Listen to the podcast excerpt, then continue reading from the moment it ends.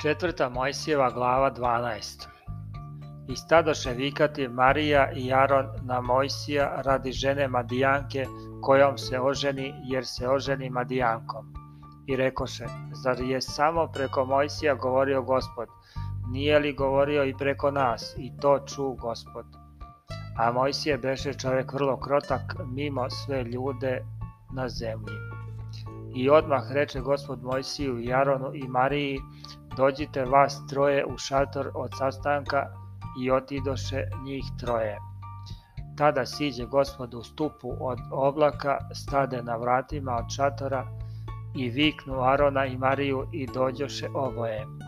I reče im, čujte sada reči moje, prorok kad je među vama, ja ću mu se gospod javljati u utvari i govorit ću s njim u snu ali nije takav moj sluga Mojsije koji je veran u svemu domu u mom.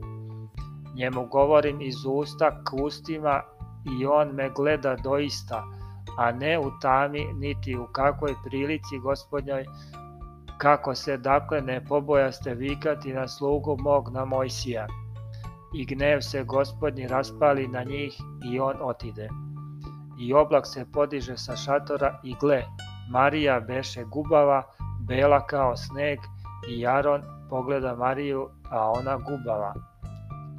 Tada reče Aron Mojsiju, gospodaru, molim te, ne meći na nas greha ovog, jer ludo učini smo i zgreši smo. Nemoj da ova bude kao mrtvo dete kome je meso pola trulo kad izlazi iz utrobe majke svoje. I vapi Mojsije ka gospodu govoreći, Bože molim ti se isceli je. A gospod odgovori Mojsiju, da joj je otac njen pljunuo u lice, ne bi li se stidela sedam dana. Neka bude odlučena sedam dana izvan logora, a posle neka bude opet primljena. Tako bi Marija odlučena izvan logora sedam dana i narod ne pođe odande dokle Marija ne bi opet primljena.